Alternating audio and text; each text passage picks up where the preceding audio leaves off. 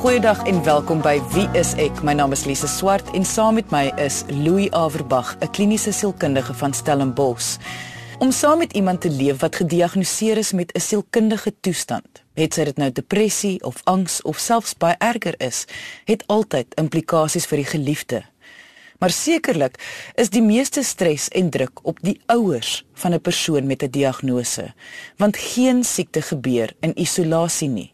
Ons gas vandag is Sandra. Haar seun is siek, sielkundig, emosioneel en fisiek. Oor die volgende 2 episode van Wie is ek, gaan ons luister na haar storie, hoe sy daagliks moet leef met die wete dat haar seun nie wil lewe nie, haar eie pyn en verwyte, en ons gaan gesels oor hoe ander ouers wat ook moet saamleef met hul kinders se sielkundige diagnoses, dalk meer effektief kan optree of selfs proaktief kan optree. Kom ons hoor waar Sandra se storie begin. Soos vandag se episode aangaan, sal ons meer en meer hoor van haar seun se toestand en hoe die feite na vore gekom het. Charles was 'n baie normale seentjie gewees. Hy was aktief, hy was 'n deernisvolle kindjie. Hy was 'n empatiese kindjie. Hy, hy was 'n liefdevolle, absolute liefdevolle kindjie, maar hy was ook 'n denkende kind. Hy was ehm, 'n um, hoogs gespanne kind ook, maar vir ons was dit half normaal. Ek meen hy was hy was dit het half gehelp met sy ehm um, prestasies op skool, maar altyd hoogs gespanne, hoogs gestres, ehm um, geweet wat hy wil doen, alles wat hy gedoen het, wou hy perfek doen. Hy het ontsettend druk op homself geplaas. Altyd sy ehm um, matriek uitslaa was hy was 115 in die Weskaap. Het Merite beurs gekry vir universiteit. Hy was prefek in sy skool een van die beste skole in die land. So hy was ons het nooit vermoed daar was enige iets anders as die druk wat hy om homself geplaas het nie. Dat hy enige ander pyn in homself beleef of jy weet daai issues nie. Nooit gedink hy het, hy het ander issues behalwe dat hy 'n perfeksionis is. Hy is universiteit toe Hy het die moeilikste kursus BRKLB het hy gekies om te studeer. Onmiddellik ingespring vir nagte in die biblioteek gesit. Hy het nie eers die al die doene lade van die universiteit vensters en al die goeders het hy baie gewoon nie. Hy het net geswat. En hy het my laat weet dat hy opgeneem is, hy het 'n oordosis pille geneem. Nou dit was vir my heeltemal jy weet 'n skok want ek het nie geweet dink daar's 'n probleem nie behalwe dat hy baie baie hard swat. En agter dit toe nou so gebeur dat hy homself heeltemal uitgebrand het met sy studies.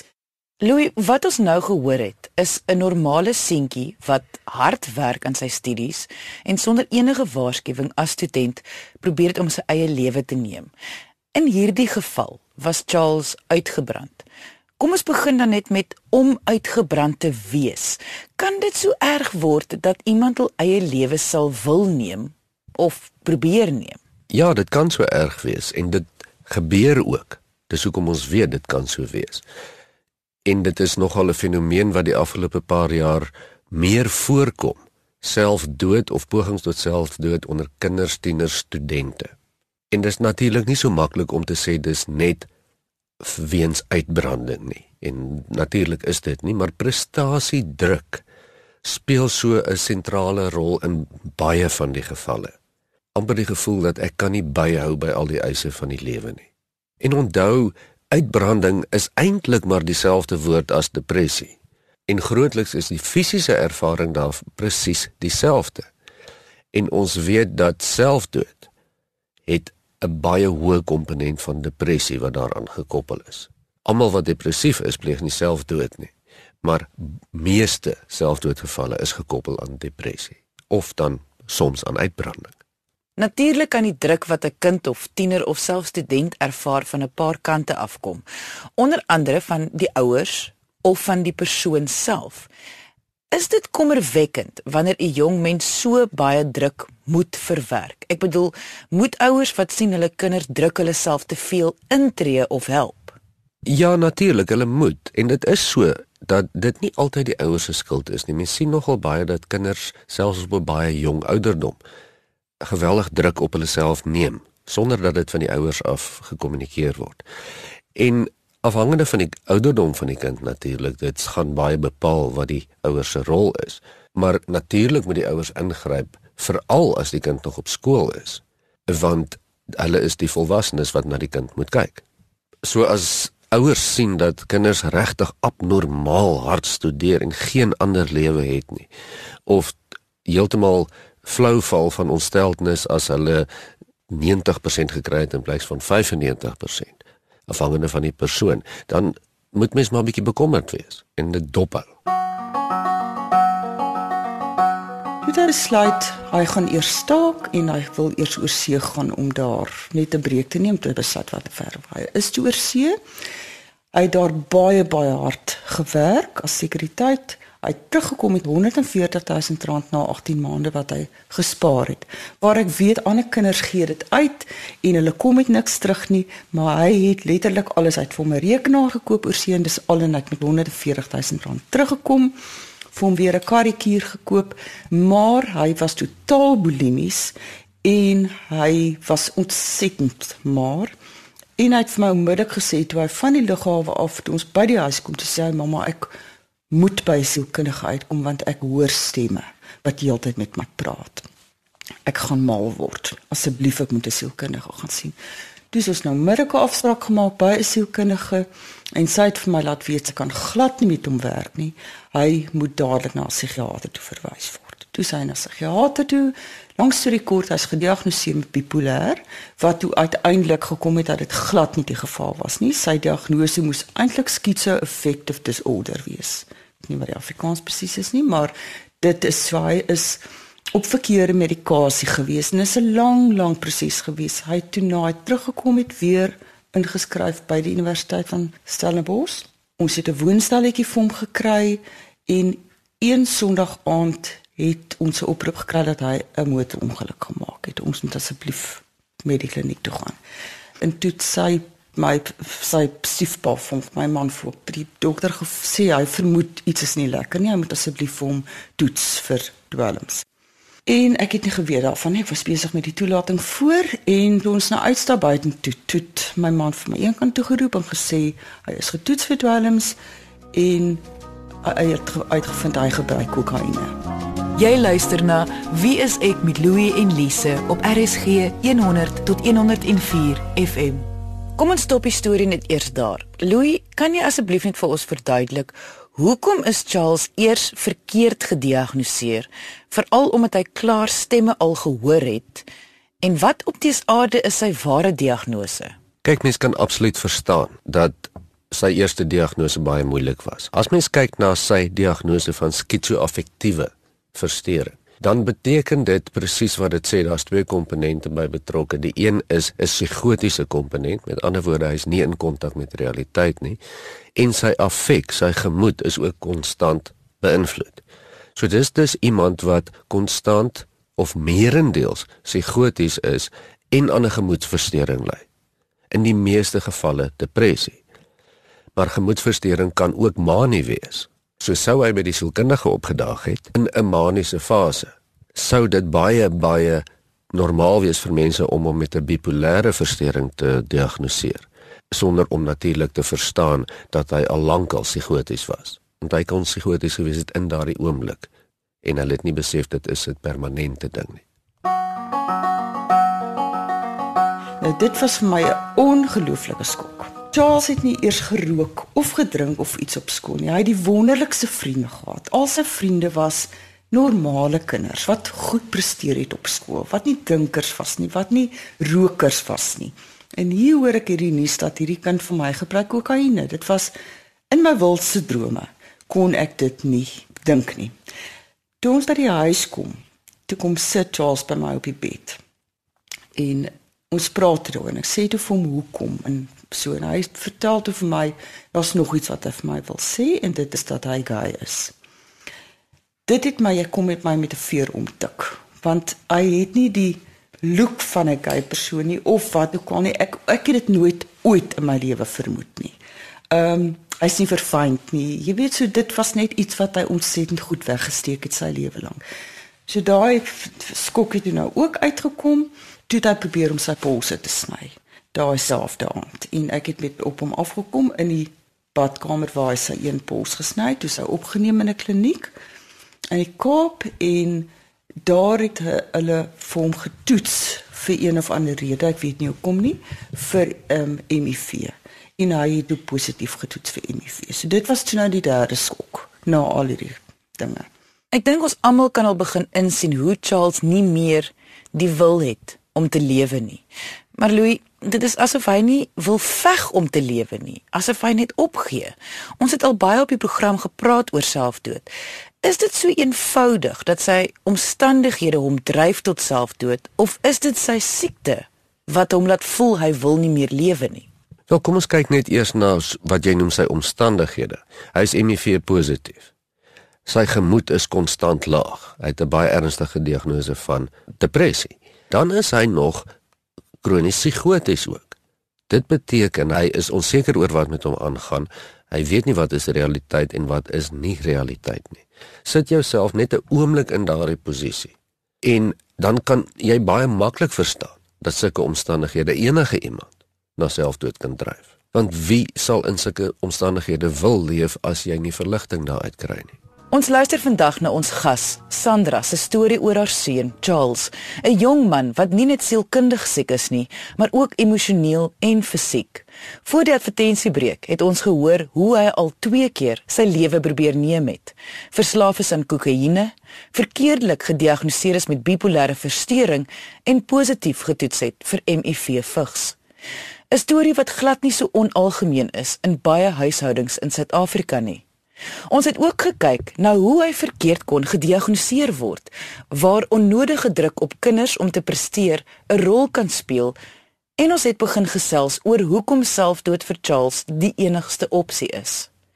Indien jy die eerste helfte van ons program gemis het en jy graag wil hoor wat Louis alles gesê het oor Charles se situasie en soortgelyke situasies wat ander tieners hulself in bevind, kan jy na die pot gooi gaan luister van vandag se episode op RSG se webwerf. Dit is rsg.co.za. Voor ons aangaan met Sandra se storie oor Charles, wil ons net waarsku dat die volgende stukkie baie mense kan ontstel. Indien jy 'n sensitiewe luisteraar is, sou ons aanraai dat jy vir die volgende paar minute liewers nie luister nie. Ek dink die jaar daarna, na daai jaar wat hy teruggekom het, was daar 'n een van die baie bekende feeste in die dorp waar ons woon aan die gang.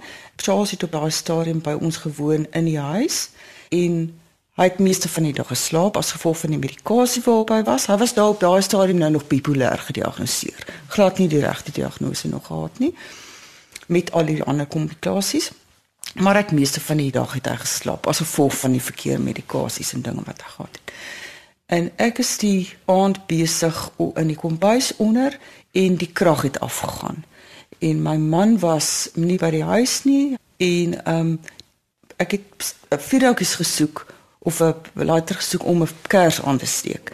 En ek het geroep na Charles wat bo in die kamer was en hy het nie geantwoord nie en ek het my donk in die donker gevoel my weg opgevoel na sy kamer toe en het nie geantwoord nie. Ek het die deur oopgemaak en ek het my weg gevoel na sy bed toe en ek het gevoel hy is nie op sy bed nie.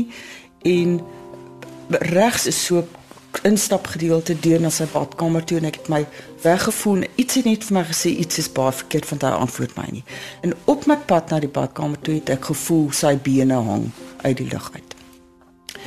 Toe besef ek hy hang aan 'n aan die balk wat in die kamer is.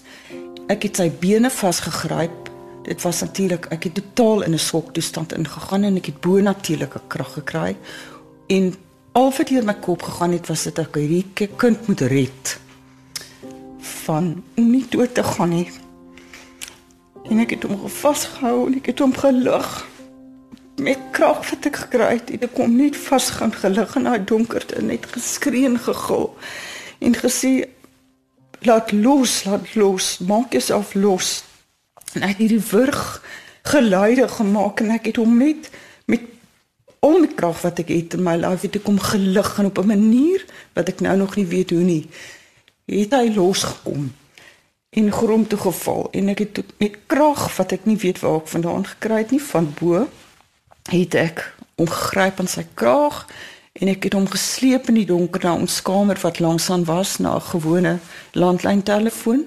En ek het my man se selfoonnommer gedruk um, op die foon terwyl aan die kraag beet het. My man het geantwoord aan die ander kant en ek het was so hysteries dat ek skaars iets kon uitkry. Ek het net gegil en geskree kom net. En uitgesê wat is fout, wat is fout? En ek het net gesê kom net, maar met 'n baie erge uh skok stem.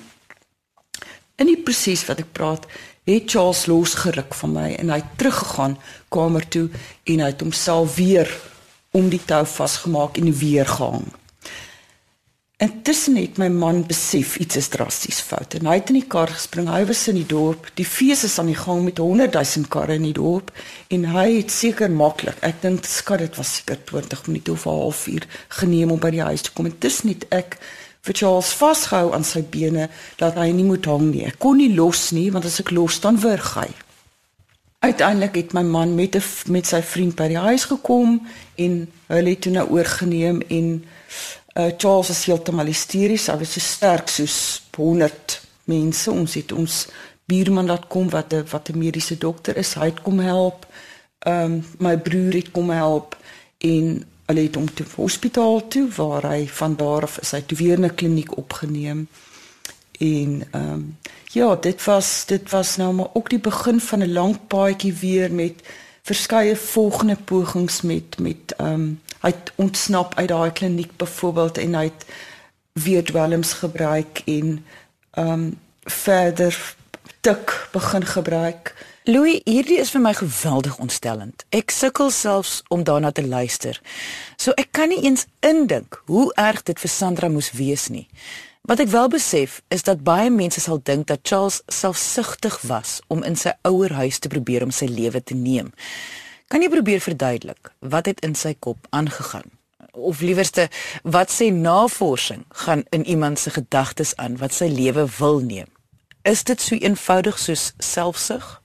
As jy sê dat iemand selfsugtig is, impliseer jy dat hy of sy op daardie oomblik die rede het om te kan onderskei dat hulle selfsugtig is. Ek moet daarom weet dat jy nie hiervan gaan hou nie en ek gaan nogtans voort daarmee dit sal kwalifiseer dat ek selfsugtig is. Gegeewe dat hy op daardie stadium totaal psigoties was, is die kans baie baie sleg dat dis enigstens dit aan selfsugtigheid kan koppel. Ek meen hy het waarskynlik maar net opgetree sonder om te dink, want dit is wat hy nie kan doen nie. Hy kan nie helder dink nie. Dis tog wat die delusies en die hallusinasies wegvat van hom af. Kan jy dalk net verduidelik wat Charles ervaar? Ons moet verstaan dat hy kronies psigoties is. Dit beteken hy halusineer. Halusineer beteken hy sien dinge en hy hoor dinge wat nie bestaan nie. Sy werklikheid is dis nie ons werklikheid nie. Ook lei hy aan delusies. Hy's bekommerd oor dinge. En die mees kenmerkende vorm van psigose is baie keer paranoia of wat mense baie keer as vervolgingswaan genoem het. Dit is waar jy regtig glo dat spesiale dinge is besig om met jou te gebeur, daar spesiale boodskappe vir jou, mense wat jou dop het, daar is 'n plan. En so bizar soos dat dit wat dit vir ons van buite af klink, so realisties is dit vir hom. En kan jy nou dink as dit regtig is wat jy glo, hoe angstig moet jy wees? Jy luister na Wie is ek met Louie en Lise op RSG 100 tot 104 FM.